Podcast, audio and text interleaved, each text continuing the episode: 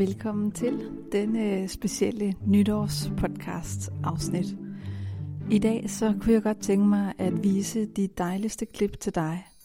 Det er de klip, der har været gennem tiden, siden jeg startede i maj, og så til december i år. Øhm, klippene er lidt forskellige. Nogle af dem har jeg valgt, fordi at det var her, hvor jeg lærte noget nyt, som jeg ikke havde regnet med, jeg ville lære. Eller hvor at jeg bemærkede, at min gæst delte noget om sig selv, var personlig, kom med en lille personlig fortælling. Det kan også være øjeblikke, hvor vi har grinet sammen, eller hvor at det tog en helt anden retning, end jeg regnede med.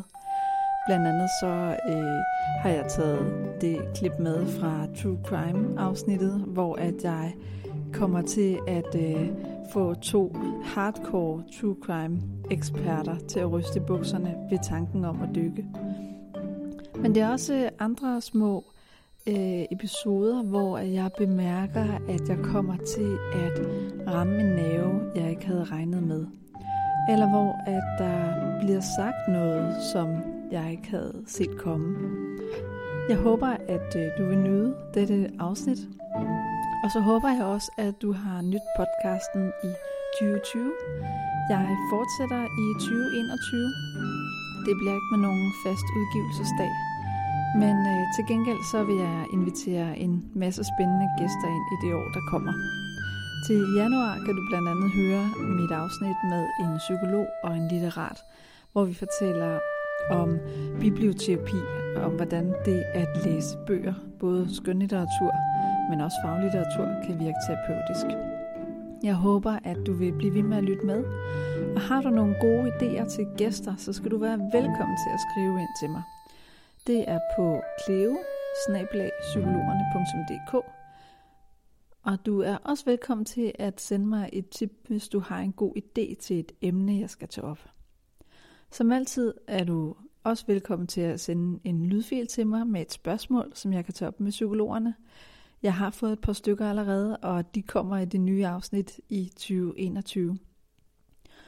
Så håber jeg bare, at du får et fantastisk år, og jeg håber, at I kan klare den derhjemme. Vi er jo mange, der er i karantæne lige nu. Jeg arbejder selv 100% online og telefonisk for tiden. Det er en mærkelig tid, men øh, heldigvis så har vi nogle gode podcasts at lytte til. Hvis du har været glad for min podcast, så vil jeg stadigvæk rigtig gerne bede dig om at øh, give mig nogle stjerner inde på Apple Podcast-appen, eller skrive en anmeldelse. Det er nemlig sådan, at når man giver stjerner og skriver en anmeldelse, så opdager Apple Podcast, at her sker der noget aktivitet. Her er der noget, der er populært at høre, som flere kan få glæde af, og så fremhæver de simpelthen podcasten, så den fremgår tydeligere som nogle af de første. Så det er altså en kæmpe, kæmpe stor hjælp, og selvom det kun tager to sekunder af din tid. Tusind tak alle sammen, og øh, have et fantastisk 2021. Vi ses lige rundt om hjørnet.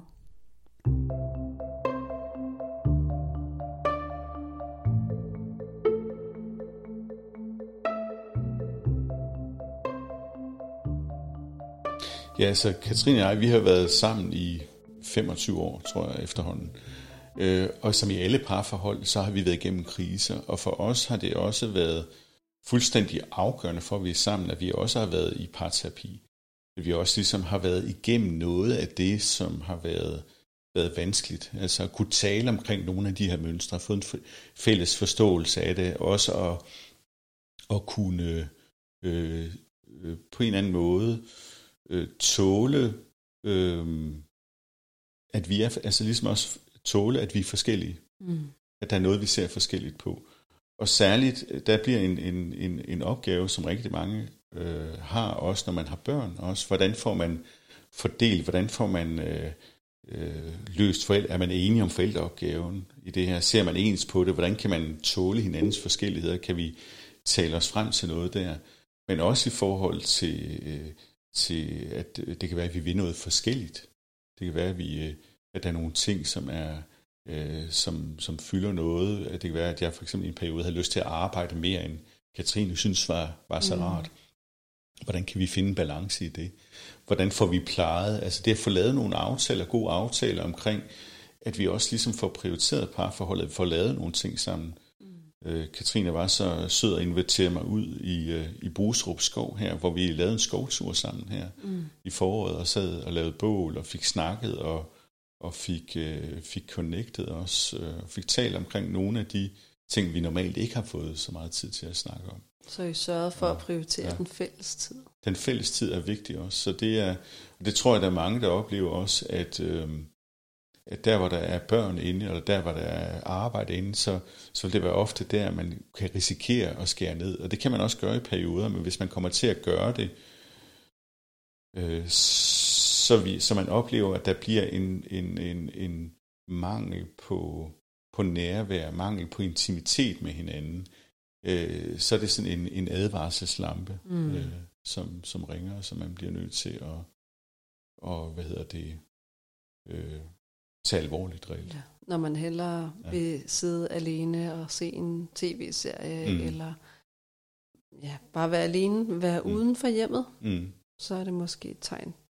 Ja, eller i hvert fald, hvor, hvor man ensad ikke ønsker, eller i hvert fald lige pludselig ikke har lyst til at prioritere parforhold. Ja. Eller man resignerer, eller man mister håbet for, at, at det, som, øh, mm. som betyder noget for en, bliver mødt. Eller set. Det var Jan K. Han fortalte om hans egne oplevelser i hans parforhold som psykolog og parterapeut.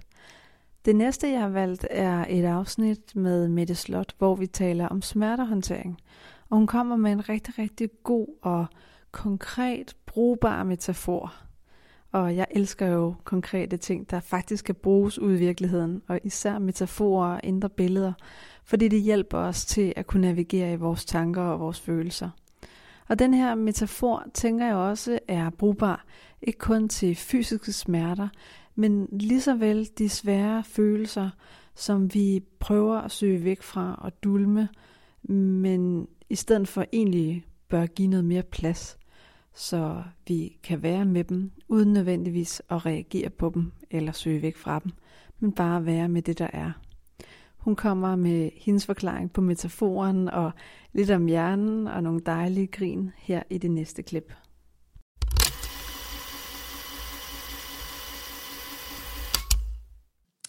Øh, når at øh, der kommer en ambulance kørende på en øh, motorvej, og den kører med, øh, med blå blink og larmer, eller hvad hedder det, kører med udrykning, det er det, det hedder, så ved vi godt alle sammen, at så skal vi trække til side, og vi, og vi skal lade den passere.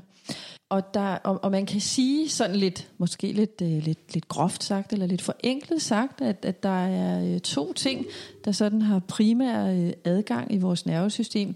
Og det er smerter, og det er angst. Altså at vores øh, hjerner, vores krop, øh, vores øh, nervesystem er kodet til øh, at reagere øh, meget, meget hurtigt på smerter og på angst. Og det hænger sammen med øh, tilbage, da vi, altså ikke vi to og mennesker som sådan, men, men menneskeheden levede for mange, mange hundrede tusinder år siden, øh, var øh, urmennesker ude på sletten, der var det super, super vigtigt, at vi kunne reagere på både smerte og på angst. Øhm, fordi hvis nu der kom en sabeltiger, mm. eller hvad der nu levede dengang, øhm, så var det super vigtigt, at vi kunne flygte væk fra den, ind i hulen og gemme os, øh, så vi kunne overleve. Eller hvis vi blev skadet af et andet øh, øh, menneske eller, eller et dyr, at vi så lynhurtigt også kunne trække, trække os tilbage. Øh, det var vigtigt for vores overlevelse. Vores egen overlevelse og for artens øh, overlevelse. Ikke? Og de her, det, det er jo noget, der foregik for meget, meget lang tid siden, men de her meget gamle ting, øh, de her, hvad skal vi sige, gamle strukturer, gamle mm. koder, de ligger stadigvæk i vores hjerner, sådan øh, mm. øh, om, om bagerst i vores hjerne, kan man sige, for nu at sige det lidt forenklet. Øhm, men, men det, der er meget gammelt i vores hjerner, det er også det, vi, når vi bliver presset, øh, typisk reagerer mest ud fra. Mm. Øhm, og øh, øh, for nu at komme tilbage til mit billede, når vi så øh, mærker smerter for eksempel, jamen så er vi ligesom kodet til og, og reagere øh, prompte på det. Øh, ligesom vi reagerer på ambulancen med udrykning på motorvejen. Ikke? Eller hvis der står en bjørn foran os, så skal vi også reagere ret hurtigt. Præcis, ja. Ja, præcis, det har du fuldstændig ret i. Øhm, og hvis der så er øh, belastninger rundt øh, om os, altså det, kan, det, det er der jo i vores liv nogle gange, ikke? Øhm, men hvis der er problemer i vores parforhold, eller vi er uvenner med en veninde, eller øh, vores økonomi ikke har det så godt, eller vi er bekymrede for vores boligsituation, eller hvad det nu kan være, øh, så presser det ligesom sådan øh, på, på nervesystemet, og så bliver adgangen i nervesystemet på en måde mindre. Mm. Så får smerten mindre øh, adgang, kan man sige, og den skal igennem, fordi vi har jo lige slået fast, at øh, vi, vi er kodet til, at smerte skal igennem. Og så vil den altså larme endnu mere. Øh, ligesom, så, så kan det være, at ambulancen på motorvejen skruer, skruer op for, for den der bare bulyd, ikke? Så jo flere belastninger, der er omkring os, desto mere vil smerten larme. Det giver god mening. Mm. Og derfor giver det også rigtig god mening, at man arbejder med at finde ud af, jamen hvad er der ellers omkring mennesker, ud over den kroniske smerteproblematik. Fordi så kan man sætte ind med at prøve at reducere nogle af de der ting, der i øvrigt er i personens liv, for så at sige at skabe bedre adgang i nervesystemet, for så vil smerten larme mindre.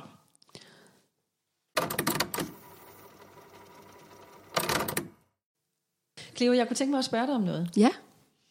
Øh, du, øh, du havde lige sådan et øjeblik lige før, hvor du lige sådan sad og øh, måske lige mistede ordene lige et lille bitte øjeblik, ikke? Øh, hvordan, øh, hvad, hvad fik det dig sådan til at, at føle? Hvad, hvad tænkte du der? Mm.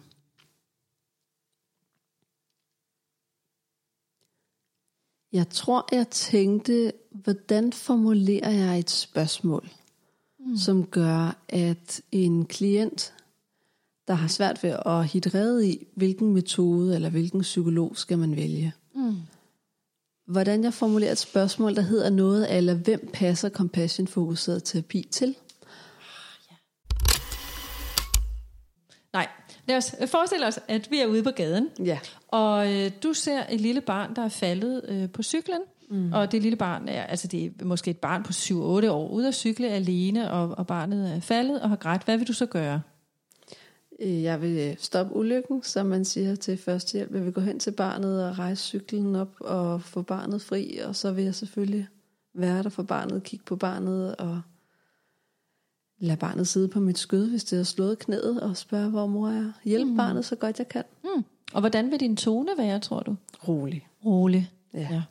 Prøv at forestille dig, at du øh, er ude at cykle, du falder på cyklen, øh, du slår dit knæ, det er ikke meget alvorligt, men det gør ret ondt. Mm. Øh, du er faktisk ked af det.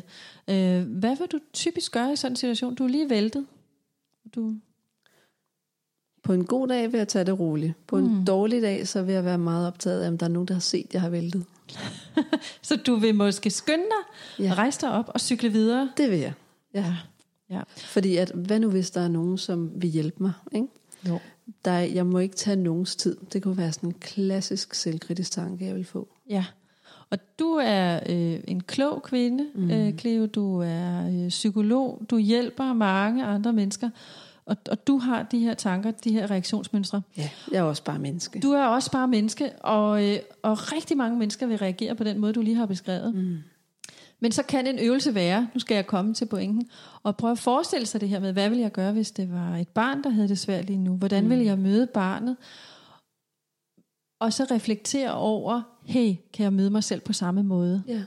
Altså være åben og rolig, omsorgsfuld, nærværende. Så det er det her med at sætte sig ned og forestille sig, at det er et lille barn, der mærker ens smerte og ens følelser. Mm. Og så tale til ens selv, ændre ens indre monolog til mm. et niveau, der er roligere og rarere og mm. tryggere og kærligt. Mm. Præcis. Mm. Og, og hvis det virker for voldsomt at forestille sig et lille barn, altså det, det er jo mm. de færreste af os, der vil, der vil ønske for et lille barn at have det rigtig, rigtig slemt, så kan man også forestille sig sin bedste ven. Igennem min besøg af gæster har jeg også lært, at jeg gerne må spørge dybere ind til det, hvor jeg kan mærke, at der er noget, der rører sig, eller der er noget sårbart. Fordi det er der, historierne udfolder sig. Det er der, hvor vi mærker mennesket, når vi sidder og lytter til stemmerne. Det følgende eksempel, jeg vil komme med, er rigtig godt. Det er, da jeg har Michael på besøg til en snak om værdier og akt, og han fortæller om sig selv.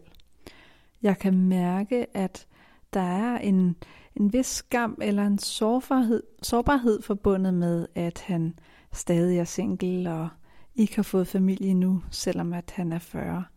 Men på det tidspunkt er jeg endnu så ny, at jeg holder lidt tilbage og respekterer de manglende ord. Det her klip kommer nu, og lige om lidt så viser jeg dig klippet med True Crime eksperterne, der ryster i bukserne over tanken om hajer. Og øh, hvordan ser din hverdag ud? Hvordan, hvor bor du henne? Øh, har du børn? Har du kæreste? Hvad interesserer du dig for i din fritid helt privat? Ja, jamen jeg, øh, jeg bor ude i, øh, i Vandløse, og øh, jeg øh, er, øh, det, det er meget svært for mig at sige, men jeg bliver snart 40 år, så jeg, øh, så jeg, øh, jeg, jeg er ved at, og, øh, øh, Er der Og- noget undgåelsesadfærd der? er rigtig meget. Ikke? Nu, nu tænker jeg, at det er en god måde at, at dele det her med, med verden og, og alle dine lyttere. Øhm, øh, og, og jeg, øh, jeg, øh, øh, jamen jeg bor øh, derude, og, og min hverdag er sådan, at jeg er, jeg er single og uden børn, pt. Øh, så, øh, Et så liv med masser af frihed og grublen over, hvad der er vigtigt for dig? det må man i hvert fald sige, at at det er i hvert fald en, en, øh, øh, en vej, man let kan blive lidt nedad, eller lidt nedad. Jeg prøver sådan at fylde den med at pleje mine, øh, mine relationer. Øh, heldigvis bor jeg på en vej, hvor flere af mine barndomsvenner bor. Så jeg er simpelthen så privilegeret, at, øh, at, øh, at vi kan have en dagligdag, der på visse øh, ledere og kanter minder om, hvordan vi voksede op, at vi bare kan gå hen og sige hej til hinanden wow. og lave ting. Ej, det er Så unikt. det er- er, der er ja. du heldig. Ja, jeg føler mig så øh, taknemmelig for det. Fedt. Ja. Nå, men øh, jeg tog jo kontakt til dig, fordi at jeg gerne vil have dig med i min podcast. Vores første parterapi. Hold da op. Er vi, er vi nået dertil? Er vi virkelig nået dertil? Vi er nået dertil, Andreas. Det har været skønt over indtil videre. Er det, er det derfor, jeg er her? Er det derfor, jeg er her? Nej, nej, vi skal, op, vi skal, vi skal er det optage bare- podcast. Er det, er det, er det, er det et påskud for, at jeg skal komme Vi her? skal optage podcast. Altså, jeg vil bare sige, at jeg er skuffet. Ja, det går du glip af frokost for. Jeg Okay. det er helt fint. Jeg vil bare sige, at jeg er skuffet. At du, at du går bag min ryg på den måde. Det synes jeg bare er... Ik- ikke for en fremmed. Når jeg virkelig er derhen, hvor det, jeg ikke kan finde på andet, og det, og man så er blevet lidt træt, lidt stresset, lidt smådeprimeret, hvad det er, så er det lyd. Det er, jeg har en rimelig stor samling af høretelefoner efterhånden, alle mulige forskellige til forskellige typer musik, fordi det, hvad er der på forskellige dele af spektret og sådan noget. Ja. Så tager jeg hunden, og så går jeg en tur. Og, og jamen, sommeren er det ikke det store problem med humøret, men nogle gange vinter kan godt være lidt hård og sådan noget der. Så kan jeg faktisk godt lide at gå i skoven i bælragende mørke med hunden, og så enten et eller andet musik tordnende, wow. eller øh, noget podcast i, øh, i ørerne. Og så ved jeg, at min hund går lige omkring mig, og så vader jeg igennem mørket. Og så forsvinder verden, og så forsvinder alle de tanker. Og, så det, man kan nærmest kalde det en eller anden form for, øh, hvad er de der isolations, deprivationskamre. Jamen, du bliver samtidig stimuleret. Altså, jeg vil blive bange, hvis det var mig, der gjorde det. Ja. Men, Der er men en jeg lille vil- forskel der. Mm. Fordi du er en lille kvinde. Christoffer er en 100 kilos mand. en hund. Og med, en- med en hund med sig. ikke? Ah, det er så en korgi, ikke? Så jeg Jo, ved jo, ikke jo, rigtigt, men hvis de ser den så. Men stadigvæk, ikke? Jo. Altså, øh, du vil være bange ved at gå ude i en mørk skov, ikke? Mm. Men, altså, hverken Jeg er Christoffer og ikke jeg vil nødvendigvis være bange for at gå ude i en mørk skov. Nej, nej, nej, overhovedet ikke. Jeg har gjort det hele mit liv, som da jeg kommer fra Nordsjælland af, så jeg var vant til at rende rundt udenfor i, i mørket. Men jeg kan godt lide den der, at øh, fjerne nogle af sanserne, mm. og så bare beholde de Fuld- enkelte af dem. Fuld fokus på en enkelt. Fuld fokus på en enkelt, og det er bare øh, hørelsen. For mig, der minder det mig om, når man dykker. Uh, altså, det tør jeg jo så ikke, fordi der er en hej derude okay. med mit navn på. Same. Sådan har jeg det også. Søer, swimmingpools, whatever. Okay. Der er spækhugger i bunden af, af det dybe på en uh, swimmingpool. Men, men det, jeg tænker, var, at der vinder vi også sanserne op og ned. Mm. Altså, vi, er, vi er vægtløse, der er koldt, det er tungt, det er let, vi skal slappe af samtidig, mm. og så er der andre væsener omkring os. Ja, Altså, du, du du, du giver mig kuldegysning. En af dem en hej. Jeg kunne gøre en Svukheim podcast vært lidt bange. Ja, det er jeg lidt det- stolt af. Jeg fik faktisk Vi kuldegysning. har, vi har alle sammen triggers. Min har finder. Men jo, det er en fantastisk måde at, øh, måde at gøre det på. Og når vi taler om overraskende episoder, så kan jeg også nævne afsnittet med Michelle Miller. Hende og jeg er begge to uddannede seksologer og har en stor passion for kærlighed og seksologiens psykologi. I det her klip kan du høre, at der virkelig er smæk på, når det gælder at tale om pikken. Jeg tror aldrig, at jeg har lavet et afsnit, hvor ordet pik er blevet sagt. Men det er det her. Fordi det handler nemlig om den mandlige seksualitet og præstationsangst.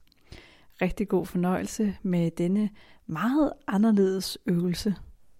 Jeg er faktisk nok blevet lidt overrasket selv over, hvor, hvor dybe rødder de her myter og forestillinger har. Og jeg kan jo starte med mig selv. Øhm, inden jeg selv begynder at tage aktiv stilling til denne her del og de her slags problematikker i mandeklientlejren, øh, havde jeg nok selv nogle af de samme idéer faktisk. Og øhm, det kunne være sådan noget som, at øh, mænd altid har lyst til sex. Og, Den er klassisk. Ja, det er en klassiker. Og at de, hvis nu vi snakker lidt mere heteronormativt, oftere har lyst til sex end kvinder. Mm. Øhm, at de altid har en stiv pik, når de har lyst til sex. Mm. At rejsningen følger med lysten. Og, øh, og det betyder, at så skal man altid have sex. Det at have lyst betyder, at nu skal vi have sex. Ja. ja, men jeg er helt enig. Og jeg tænker, at de her myter er faktisk med til at skabe den her følelse af skam hos begge køn. Mm. Fordi på grund af en myte om, at mænd altid har lyst til sex, så skaber vi sådan et billede af, at mænd det er sådan nogle vilde sexdyr, der ikke kan styre sig selv. Mm. Og så begynder vi at lave den her historie om, at, at mænd de skal øh, skjule sig selv, de skal dække dem selv. Jeg tænker, i det her program, der vil jeg vælge at bruge ordet pik, fordi vi snakker om en voksen mænd, og vi snakker om seksualitet. Ja. Så der er sådan en, en skam over pikken også, at vi skal dække den til, og vi skal vise, at vi er ordentlige mænd, at vi ikke er sådan nogle monstre. Mm-hmm. Og omvendt så, så fylder skammen hos kvinder med, at jamen, jeg skal være en dydig kvinde. Jeg skal skjule min seksualitet, og jeg skal leve op til den her myte om, at kvinder har mindre lyst til sex. Mm-hmm. Og det skaber nogle gnidninger, men det skaber på den positive side også en fantastisk polaritet mm-hmm. mellem mænd og kvinder. Ikke? At, at manden står for drivkraften, står for handlingen, og kvinden står for, for fantasierne og øh, visdommen og alt det sensuelle. Ja, og, og faktisk har jeg lagt mærke til, det er sådan min egen lille tolkning, øh, mm. at, at der hvor det her faktisk begynder at eksplodere, i hvert fald i mit klinikrum, øh, det, er, det er i forbindelse med MeToo-bølgen. Ja, Ja, der har jeg godt nok fået rigtigt. rigtig, rigtig mange mænd ind ad døren i alle slags aldre, der er enormt bekymrede for, øh, om de gør det godt nok. Og, ja. om de er grænseoverskridende. ja, absolut. Fordi- på den, den, den fine mand, den ordentlige mand. Lige præcis. Mm. Fordi hvad nu hvis jeg bliver det her vilddyr, og jeg kommer til at, at overskride min partners grænser uden at ville det. Mm. Og det skaber jo helt vildt meget filter hos manden, ikke? At man, man gennemgår med sig selv og i sit hoved, at det er godt nok det, jeg gør. Ja. Og så har vi den her onde cirkel, som vi skal gå dybere ned i. ja. Jeg synes, vi skal, vi skal prøve at praktisere lidt af det, vi har snakket om. Og jeg er jo virkelig til det der med den dybe vejrtrækning og bækkenbunden. Så øh, jeg kunne simpelthen tænke mig, at vi kalder det her en lille lækker pik-meditation. Ja. Nu har jeg jo øh, åbenlyse grunde ikke selv sådan en. Det kunne jeg selvfølgelig godt have haft, men det har jeg ikke. Mm. Øh, så jeg tænker, Ej, det at, kan du øh, ikke være bekendt. det kan være bekendt. Så, øh, så, så de mænd, der lytter med her, du kan faktisk også lytte med som kvinde, og, og, og tilsvarende selvfølgelig øh, have din opmærksomhed på din vagina i stedet for. Så jeg tænker, at vi simpelthen laver en lille guidning, Ja. og, øh, og, og det handler ikke om, at du skal mærke alt muligt, eller forestille dig alt muligt. Du skal egentlig bare prøve at lytte, og, øh, og følge min stemme og min mm. guidning. Og så ser vi, hvad der sker. Og hvad der præcis sker, må du høre i afsnit 7 med Michelle Miller i dagens øvelse sidst i afsnittet. Nu har jeg valgt et klip, hvor at jeg har Jeanette i terapilokalet. Jeanette er psykolog og familiebehandler, og hun taler om, hvordan det er at være pårørende til en alvorlig syg, og hvordan man som pårørende kan forholde sig og få hjælp, og hvordan man takler kriser i familien, når alting er meget alvorligt og handler om død og sygdom. I det klip, jeg har valgt til dig, der fortæller hun om hendes egen personlige oplevelse med at få at vide, at hendes mand havde kræft. En meget pludselig nyhed. Og den reaktion, hun beskriver, er meget sigende for en menneskelig chokreaktion. Og derfor synes jeg, det er et ret vigtigt klip også til alle andre at høre, at man ikke er alene i sine chokreaktioner, når tingene virkelig flyder over.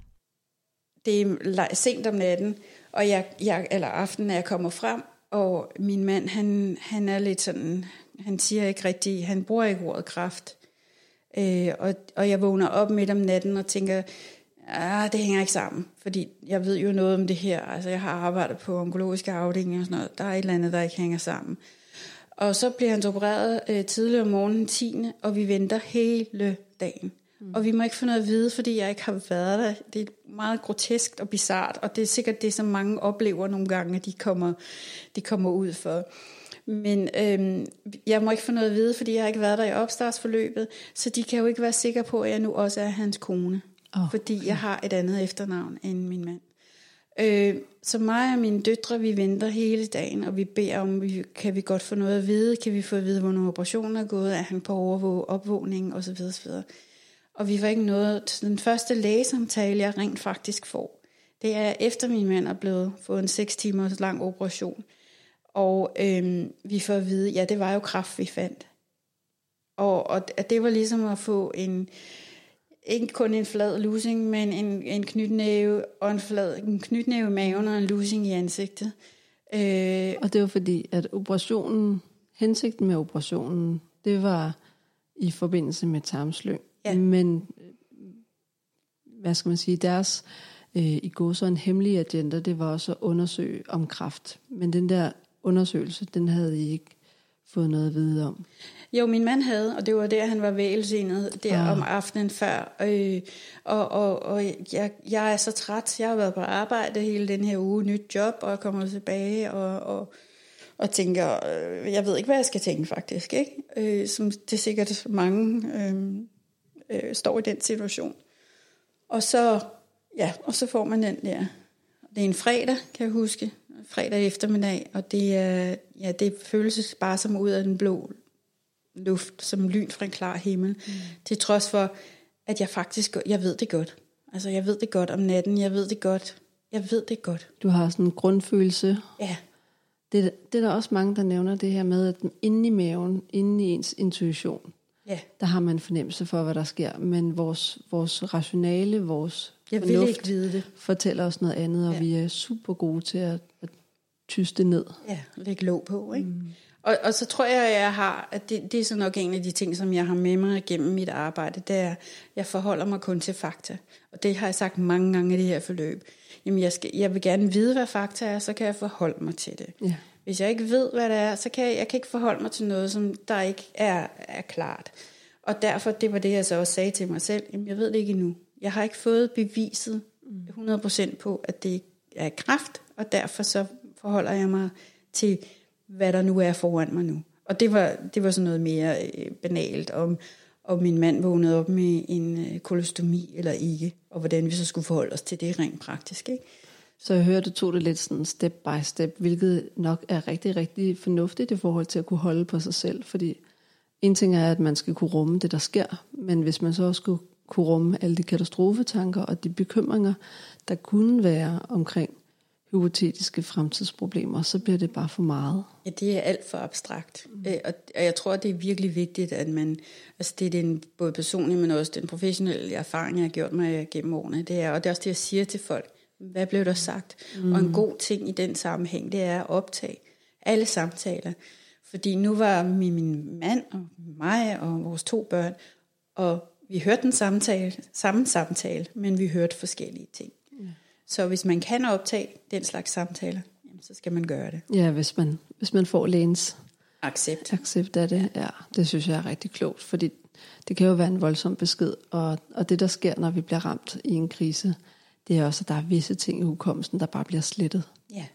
Og vi går ind og ud, altså man lytter, og så lytter man ikke. Det er som om, man, at man får, hvad skal man, man får uld i ørerne. Altså man kan, ikke, man kan ikke høre, så har man hørt så meget, som man kunne rumme, og så, så lukker man ned.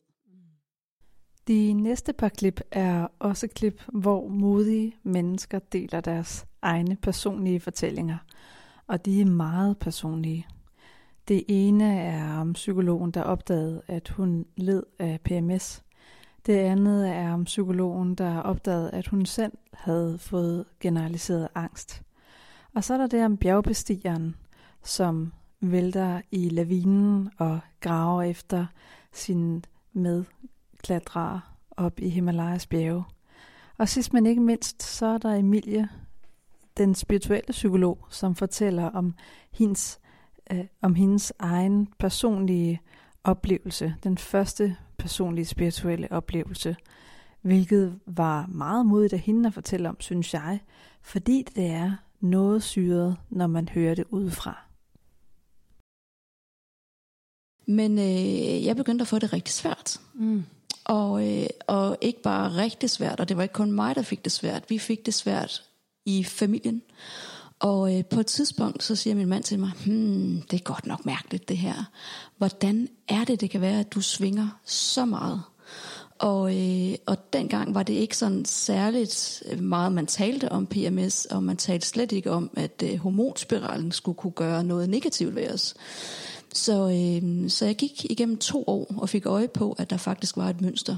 Og først efter de her to år, der gik min gynekolog med til at sige, ah, lad os da prøve at pille den ud. Det kan jo være, at du havde ret, at ja. der var noget der. Så alt det, jeg havde mærket tidligere, jeg kan jo se nu, at jeg også har kendt til det før, men det blev meget, meget, meget tydeligt. Og, øh, og i mit arbejde, både med par og med øh, individuelle klienter, når det er kvinder, så spørger jeg ind til, øh, hvordan er det med PMS? Hvordan ser det ud med din cyklus? Og det viser sig jo igen og igen, at der er rigtig mange, der kender til de her svingninger. Man kan være sindssygt god på sit arbejde, og andre dage, så synes man bare i hvert fald selv, at det hele stinker, og man kan være en rigtig god mor, man kan være en rigtig god kæreste. Og så er der bare nogle dage, hvor det hele ligesom bliver gråt, mm. eller øh, det er som om, man får sådan et, et tæppe over sig, eller der sker i hvert fald et eller andet.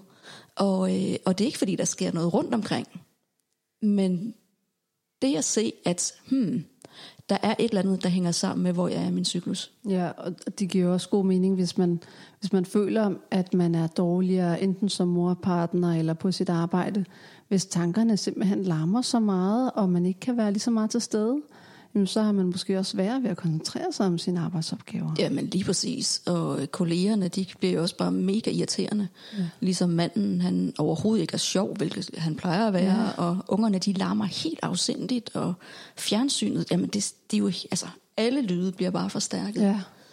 Og når man er selvnedvurderende og har dårlig selvværd, så er det også lidt sværere at sætte grænser over for børn.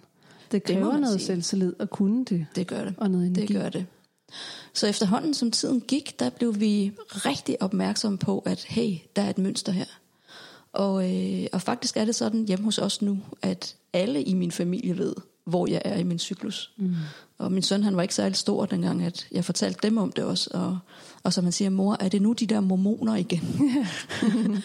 så det griner vi meget af. Men de ved, de ved, hvor jeg er i min cyklus, fordi det er ligesom os, der er i cyklus, og ikke kun mig. Ja, lige præcis. Man er ikke alene. Nej. Indeni er det som at forestille sig at gå et sted, hvor der enten er rigtig meget larm, eller er helt stille. Det er lidt som at befinde sig i en boble. Det er lidt som øh, at betragte verden, selvom man er en del af den. Men man går ja. lidt ved siden af. Der var en usikkerhed omkring, hvorvidt min datter kom til at bruge den her arm eller ej. Det øh, bekymrede mig voldsomt. Historien endte heldigvis godt. Det som var øh, det som usikkerheden gik på, det var om de der nerve, nerver, øh, de ville gro sammen igen, så hun kunne bruge den eller ej. Og det kunne de bare ikke sige. Mm. Så hun øh, kunne risikere at gå med en slap arm, eller? Det kunne nemlig, og, og hun kunne heller ikke bevæge den. Øh, den. Den var helt slap, den her arm. præcis som du siger, så øh, jeg fik jo nogle, nogle katastrofetanker omkring, at det ville påvirke min datters liv, at hun ville få den her, hvis nu, at hun ikke kom til at bruge den. Så jeg havde jo de der meget karakteristiske tanker, der hedder, hvad nu hvis min datter kan komme til at bruge sin arm? Og på den måde forgrenede øh, tankerne sig Så der blev fyldt med en masse spørgsmål. en hel masse spørgsmål, som jeg heller ikke kunne svare på. Så uvidsheden bredte sig, kan man sige. Præcis som du også fortalte, så øhm, kommer der jo lige nøjagtigt også øh, øh, kropslige symptomer, mm. som øh, forstærker øh, tankerne. Tankerne bliver mere katastrofebrede, og jo mere man tænker så negativt om den, jo, jo værre bliver det øh, i kroppen, altså de fysiske symptomer. Så, så det virker jo forstærkende på hinanden. Det, der oprindeligt var det, der var bekymring, kan, kan, kan vokse og, og brede sig. Sådan, som, der var mange ting, der pludselig kunne minde mig om min datters arm. Jeg kunne se en cykel, for eksempel, ikke? Ja. og så tænke, kan vide, om hun nogensinde kommer til at cykle? ja. Og det er det, der i generaliseret angst netop er, at det er generaliseret, at det breder sig. Og øhm, Så du fik også tanker om skolegang, og om hun vil være lykkelig, og ja, øh, finder, hun, finder hun nogensinde en partner, stifter hun familie, mm. alle de her ting. Præcis. Hvad gjorde det ved dig dengang? Jamen, øh, typisk så øh, øh, fik jeg jo hjertebanken, og, øh, og sådan en knude i maven, øh, og jeg kunne svede, eller øh, jeg kunne få sådan en kulde fornemmelse, ikke, hvor jeg frøs simpelthen. Mm. Og øh, blev kaotisk, og en følelse af, at øh, jeg kunne ikke holde det her ud. Hvordan fik du bukt med det? Det gjorde jeg faktisk, da jeg begyndte at, at arbejde med det. Jeg læste sindssygt meget om det. Noget af det gjorde jeg sådan lidt øh, spontant, øh, og noget af det læste jeg mig frem til, øh, hvad man kunne gøre. Og så fik jeg så meget bugt med det, at det ikke forstyrrede mig så meget mere. Vi snakker om, kan der komme en lavine mere, og så videre. Øh, så så den, har, den diskussion har vi i en 20 minutter, og Danielle, vores guide, han blev ved med at sige, nej, I skal ikke flytte mig, I skal bare blive her. Øh, fordi der kommer ikke mere. Når der har været en lavine, så kommer der ikke mere. Så er det ligesom, det hele er kommet ned. Mm. Og han siger også, der skal nok komme nogen og hjælpe os. Nu skal I bare lige blive her. Så lige pludselig, så hører vi nogen, der skriger. Åh oh, nej. Og så øh, bevæger vi den retning hen mod det. Og det, for mig, der var det sådan, sådan som det står i min hukommelse, så var det sådan mørkt, så jeg kunne ikke rigtig se noget. Så det første, jeg kommer hen til, det er en hånd, der stikker op af sådan en, og ikke andet. Og da jeg kommer helt hen til det, så lige bag ved den her hånd, der stikker op, der ligger der, øh, der er der en, der sådan er ved at give øh, hjertemassage til en, der ligger ned, som virker øh, helt øh, død. Ja, altså som virker langt væk. Mm. Så det er sådan, det er sådan næste fase af lige at blive ramt af, altså først øh, i forhold til, hvor, hvor alvorligt det her det er. Fordi vi havde jo sådan lige været sådan helt drengerøvsagtige, wow, vi klarede den, godt vi klarede den. Mm. Og så lige pludselig bliver man ramt af den næste alvor. Shit man, der er fandme måske nogen, der ikke har klaret det her. Øh, så jeg kaster mig bare ned på knæene, og det, mig og Alex, vi ligger bare der, og så graver vi helt sindssygt for at grave ned til den krop, der er under den her hånd. Og det er sådan en fuldstændig vanvittig oplevelse, fordi da jeg ligesom har gravet hovedet fri, eller vi har, og begynder at grave brystet lidt fri, så mens jeg graver, så ryger sneen nærmest op i hovedet på ham, og så nærmest dækker hovedet til igen. Altså bare sådan lidt. Mm. Men den der følelse af, at der bare er sådan et ansigt, der bare er fuldstændig livløst. Hvor at sneen bare står op i ansigtet, og han rykker sig ikke, han rokker sig ikke. Altså det er jo en fuldstændig sindssyg følelse lige der. Har han åbne øjne eller lukkede øjne? Kan du huske det? Det har jeg aldrig tænkt over. Jeg er ikke sikker. Og jeg, altså i virkeligheden sidder jeg, kigger jeg jo bare ned ad et hvidt bjerg, men jeg ser et eller andet billede for mig lige der. Mm. Altså sådan helt fatamorgana-agtigt, så ser jeg, øh, vi, var, vi var gået op ned fra den by, der hedder Chamonix, en fransk by, hvor at, altså jeg ser den her by for mig med alle mine venner og familie, de sidder dernede Wow. og at vi mødes dernede får sådan en helt gåsehud, når jeg fortæller det. Og, det var, og lige der, der skete der et skæld ind i mig, at det var det, det blev så tydeligt for mig, det billede, at det var det vigtigste i livet. Mm. Det var øh, at komme ned, nyde livet med dem, der betyder noget. Så lige pludselig, så var der noget inde i mig, der gav slip på alt den øh, materialisme også. Øh, og det betyder jo ikke, det er også kommet lidt tilbage, kan man sige, men det, der, der var et eller andet, der gav slip på den her hien og jagen efter hele tiden at skal optimere og præstere og opleve noget, der er vildere og, og, og være en eller anden særlig person og alt det. Det hele, det var simpelthen ligegyldigt lige der.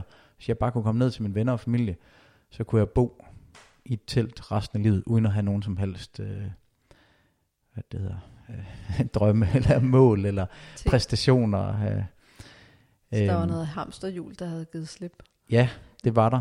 Hvis du øh, skal sætte ord på, hvad du kalder sådan et fænomen, hvad, hvordan, hvilket ord bruger du, eller hvordan forstår du det, der skete?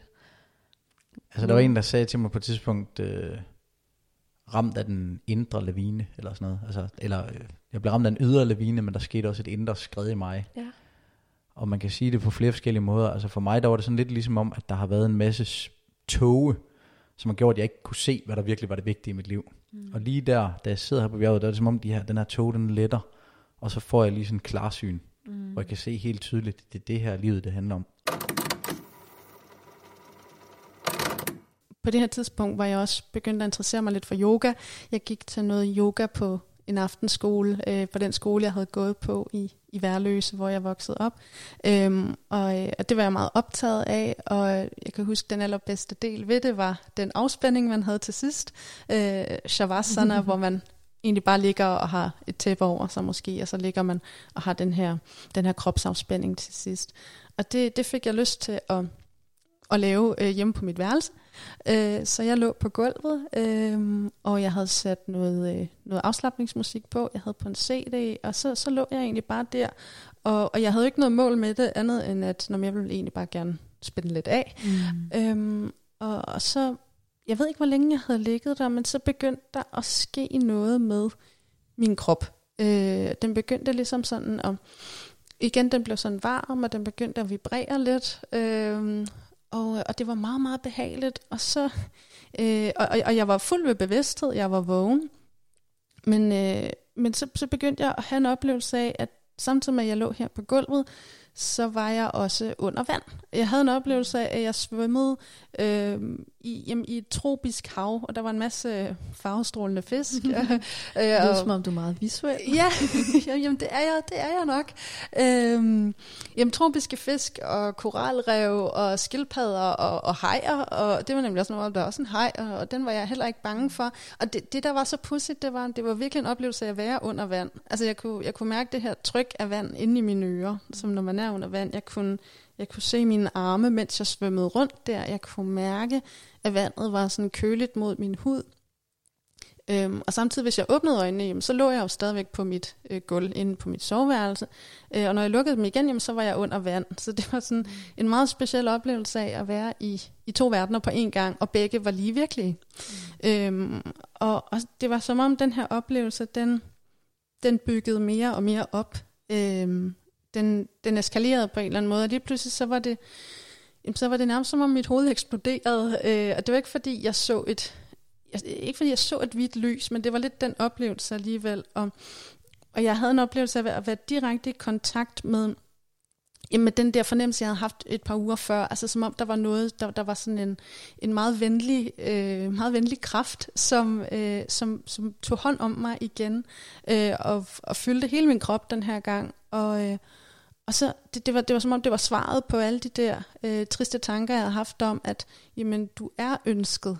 Mm. Øh, og der er en mening med, at du er her. Der er en mening med, at I alle sammen er her. Og du er, og du er dybt, dybt elsket.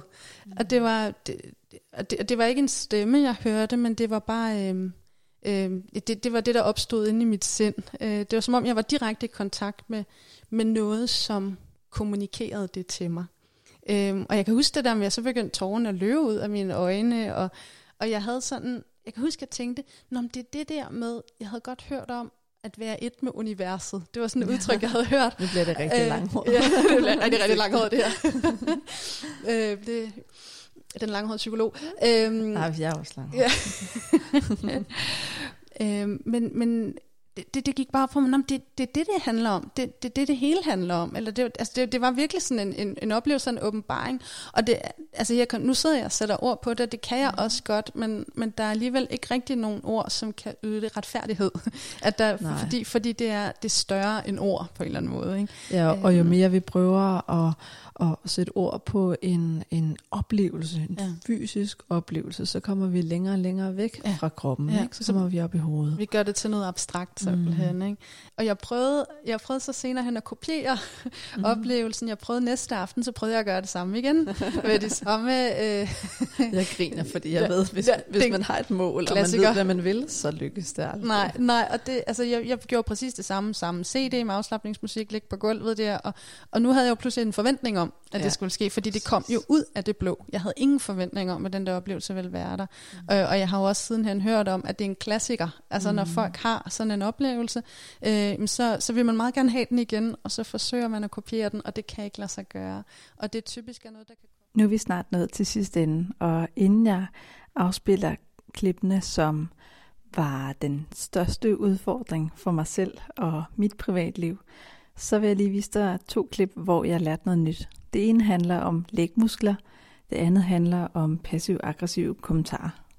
Eva, kan du prøve at beskrive for mig, øhm, forestil dig, at jeg er en, en klient, og jeg skal forstå, hvad det her stress er. Hvilke vendinger vil du bruge i din beskrivelse af stress? Og så tjekker jeg af på folks øhm, kropslige tilstande, det vil sige, er der spændinger, smerter nogle steder, det kan typisk være det hovedpine, og så det nakke skulder. Mm. Og så sjovt lille sted, som der ikke er så mange, der altid selv er klar over, før jeg spørger, læggende. Hvis ah. læge spænder rigtig tit, øh, og strammer op, når vi er stresset. Det har jeg aldrig tænkt på. Er det rigtigt? Der, der fik jeg lige en aha-oplevelse. det var da fedt. Ja. Tak. Ja. Øh, ja. Det er sjovt, sådan at mange der reagerer, gud, siger ja. de. Det er da rigtig min læge. Prøv at lægge mærke til din læge. De spænder. Ja. Ja. Mm. Du kom også med en øh, god strategi i forhold til din chef, vi snakkede om lige ja. før vi optog. Ja, øh, det er rigtigt. Jeg har arbejdet, det var ikke min chef, men jeg har arbejdet i en virksomhed, hvor der var en leder på meget højt niveau, som, øh, som helt klart var psykopat. Og, øh, og han, øh, han, han spredte rigtig, rigtig meget... Øh, øh, hvad hedder sådan noget, skræk og redsel omkring sig, og negativitet. Og, øh, og det eksempel, jeg fortalte dig, det var, at han kunne komme ned på det kontor, hvor jeg sad med mine kolleger, mm. og så kunne han ligesom bare gå ind på sådan en meget magtdemonstrativ måde, og så bare sådan glo rundt, og folk begyndte at sidde og føle sig sådan lidt ubehageligt tilpas allerede der. Og så kunne han for eksempel sige, øhm, Nå, I sidder nok rigtig og hygger hernede i pausekontoret, hva'? Ja. Og det er jo sådan en kommentar, hvor man så kunne være sådan, sådan øh, ja, nej, bubæ. Men det jeg så sagde til ham, det var, så spillede jeg nemlig dum. Og så kiggede jeg på ham og sagde, ej, nu, nu bliver jeg sådan lidt forvirret. Altså, så siger du, at vi ikke laver noget hernede, eller, eller hvad? For at tvinge ham til enten at validere, at ja, det var det, jeg mente, og så kunne man sige, nej, det er jo også lidt svært at lave noget, når du kommer og forstyrres. Ja. Eller også tvinge ham til at sige, nej, nej, det var overhovedet ikke det, jeg mente. Og så kunne man sige, Nå, men det er godt, fordi vi sad faktisk og havde ret travlt, inden du kom og forstyrrede os. Ja, præcis. Så, så ja, den der med at ligesom øh, på den gode måde tvinge den anden til enten at validere, at ja, det var det, jeg mente, mm. eller sige nej, det var ikke det, jeg mente, og så dermed tage det af bordet. Mm. Inden det sidste meget, meget personlige klip, så vil jeg lige slå et slag for, at man kan gå ind på Apple Podcast og give stjerner og skrive en anmeldelse. Det er en kæmpe hjælp til mig, og tusind tak til alle jer, der allerede har gjort det. Derudover så har vi jo også både en Instagram-profil og en Facebook-profil, så hvis du søger efter Insekt med Cleo, jamen så dukker det op. Her der kan du se alle billederne af dem, der har været med i podcasten, alle modeller og tegninger, som vi har griflet på tavlen, og forskellige gode citater.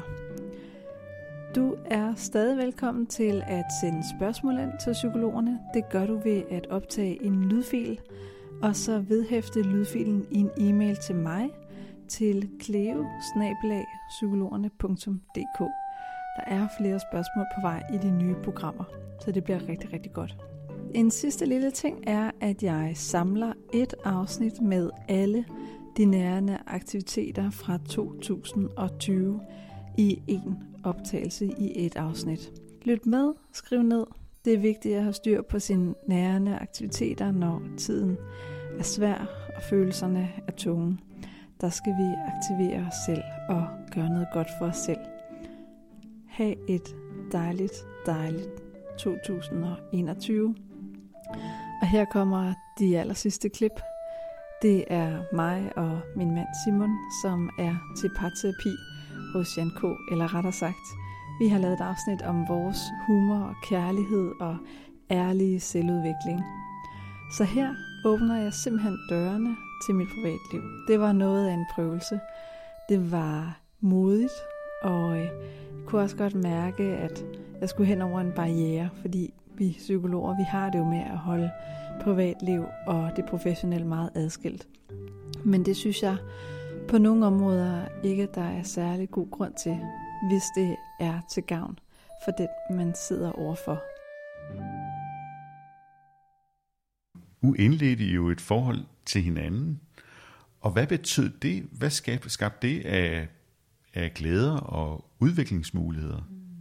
Jeg var jo overbevist om i forvejen, at jeg måtte have en undgående tilknytningsstil, siden at jeg, jeg fandt mig i de her uengagerede mænd. Øhm, og jeg beskyttede mig selv ved at have meget lave forventninger til en partner. Og samtidig gøre alt, hvad jeg kunne for at please den anden. Så øh, den her øh, beskedenhed, som var øh, en del af mig, det blev jeg facet i møde med Simon. Øhm, fordi at jeg havde en eller anden form for ja, hensynsbetændelse, har vi også kaldt den. Øhm, det var mit udviklingspunkt, øh, mit individuelle udviklingspunkt, fordi jeg kunne mærke, at okay, her er en mand, som faktisk øhm, er interesseret i mine behov. Og øh, det fungerer ikke, hvis, øh, hvis han ikke kan mærke mine behov, fordi at det trigger en usikkerhed i ham. Øhm, så jeg bliver nødt til at øve mig i, hvordan man gør det der med at mærke efter. Hvordan man øh, står ved sin, sin, sin fysiske, psykiske behov, og, og også det her med at sige til, når noget ikke fungerer. Fordi jeg var jo bare vant til at pakke det sammen med mig. Altså, jeg var vant til at undertrykke følelser, fordi hvis jeg udtrykte følelser øh, over for en ikke engageret mand, så vil han jo smutte, så bliver det besværligt. Øh, så lige pludselig skulle jeg stå ved mig selv og tillade mig at være ærlig. Men hvordan er man lige ærlig, hvis man ikke kan mærke sine behov? Så det var, det var klart et, et udviklingspunkt for mig, og en udviklingsrejse for os begge to. Ja, fordi at... Øve øhm, os meget. Vi skulle øve os meget. Ja, og, og du har hjulpet mig rigtig meget med at, at lære det. Altså, jeg havde ikke lært det uden dig. Jeg kunne, ja, og jeg kan stadigvæk høre, når jeg spørger dig om noget, hvad du vil om det er dit hovedsvar, hoved, der svarer, mm. eller om det er dit eget ønske. Ja.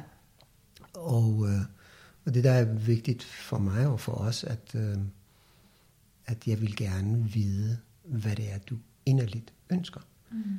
Ikke hvad du tror, umiddelbart baseret på nogle vaner, vanetænkning fra tidligere forhold, øh, at du responderer på det. Mm. Øh, og det, og jeg, jeg synes, at vi har haft en smuk rejse sammen der. Mm. Og vi har støttet hinanden i, i den, den proces. Og Jan, nu kan jeg jo ikke lade være med at være nysgerrig, og øhm, jeg kunne godt tænke mig at vide her på falderæbet, hvad du sidder tilbage med af, af indtryk, altså hvis vi lige skifter over på et, mm. et professionelt plan. Mm. Ikke? Hvis du var parterapeut, hvad vil du så uddrag her, eller tænke, åh, oh, det, det tager jeg med, eller det er vigtigt, eller det skal de huske på?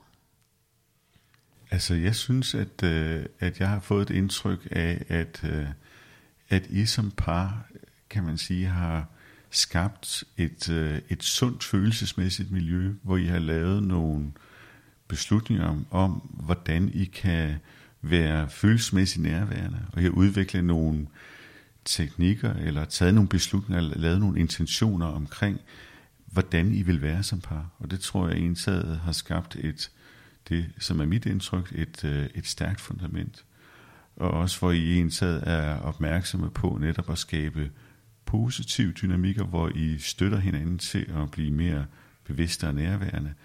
Øh, og på den måde skabe fundamentet for, for hele tiden at, at skabe noget, noget bæredygtigt i forhold til hinanden, og noget omsorgsfuldt, kærligt, mm. og sjovt og humoristisk. Yeah. Ja. Tak fordi du ville øh, tage dig tid med os. Og tak skat, fordi at øh, du var modig nok til at gå planken ud sammen med mig i mit skøre projekt. Selvfølgelig. Det er vores projekt nu. ja. ja. Tak. Tak, ja.